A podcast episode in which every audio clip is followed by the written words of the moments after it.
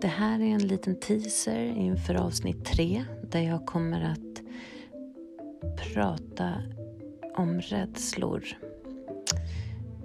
Man ser kanske inte det så tydligt som offer ehm, att det finns så många olika typer av rädslor som styr en under relationen från början till slut och det är allt en del av förövarens manipulation och psykiska misshandel som gör att man känner de här rädslorna.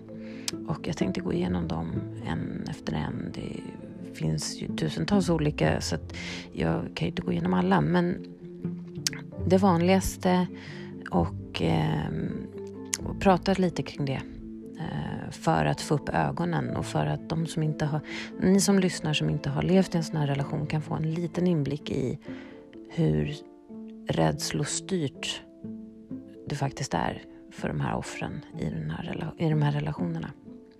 Så det har ni att se fram emot när avsnitt tre publiceras. Ha det gott. Hej!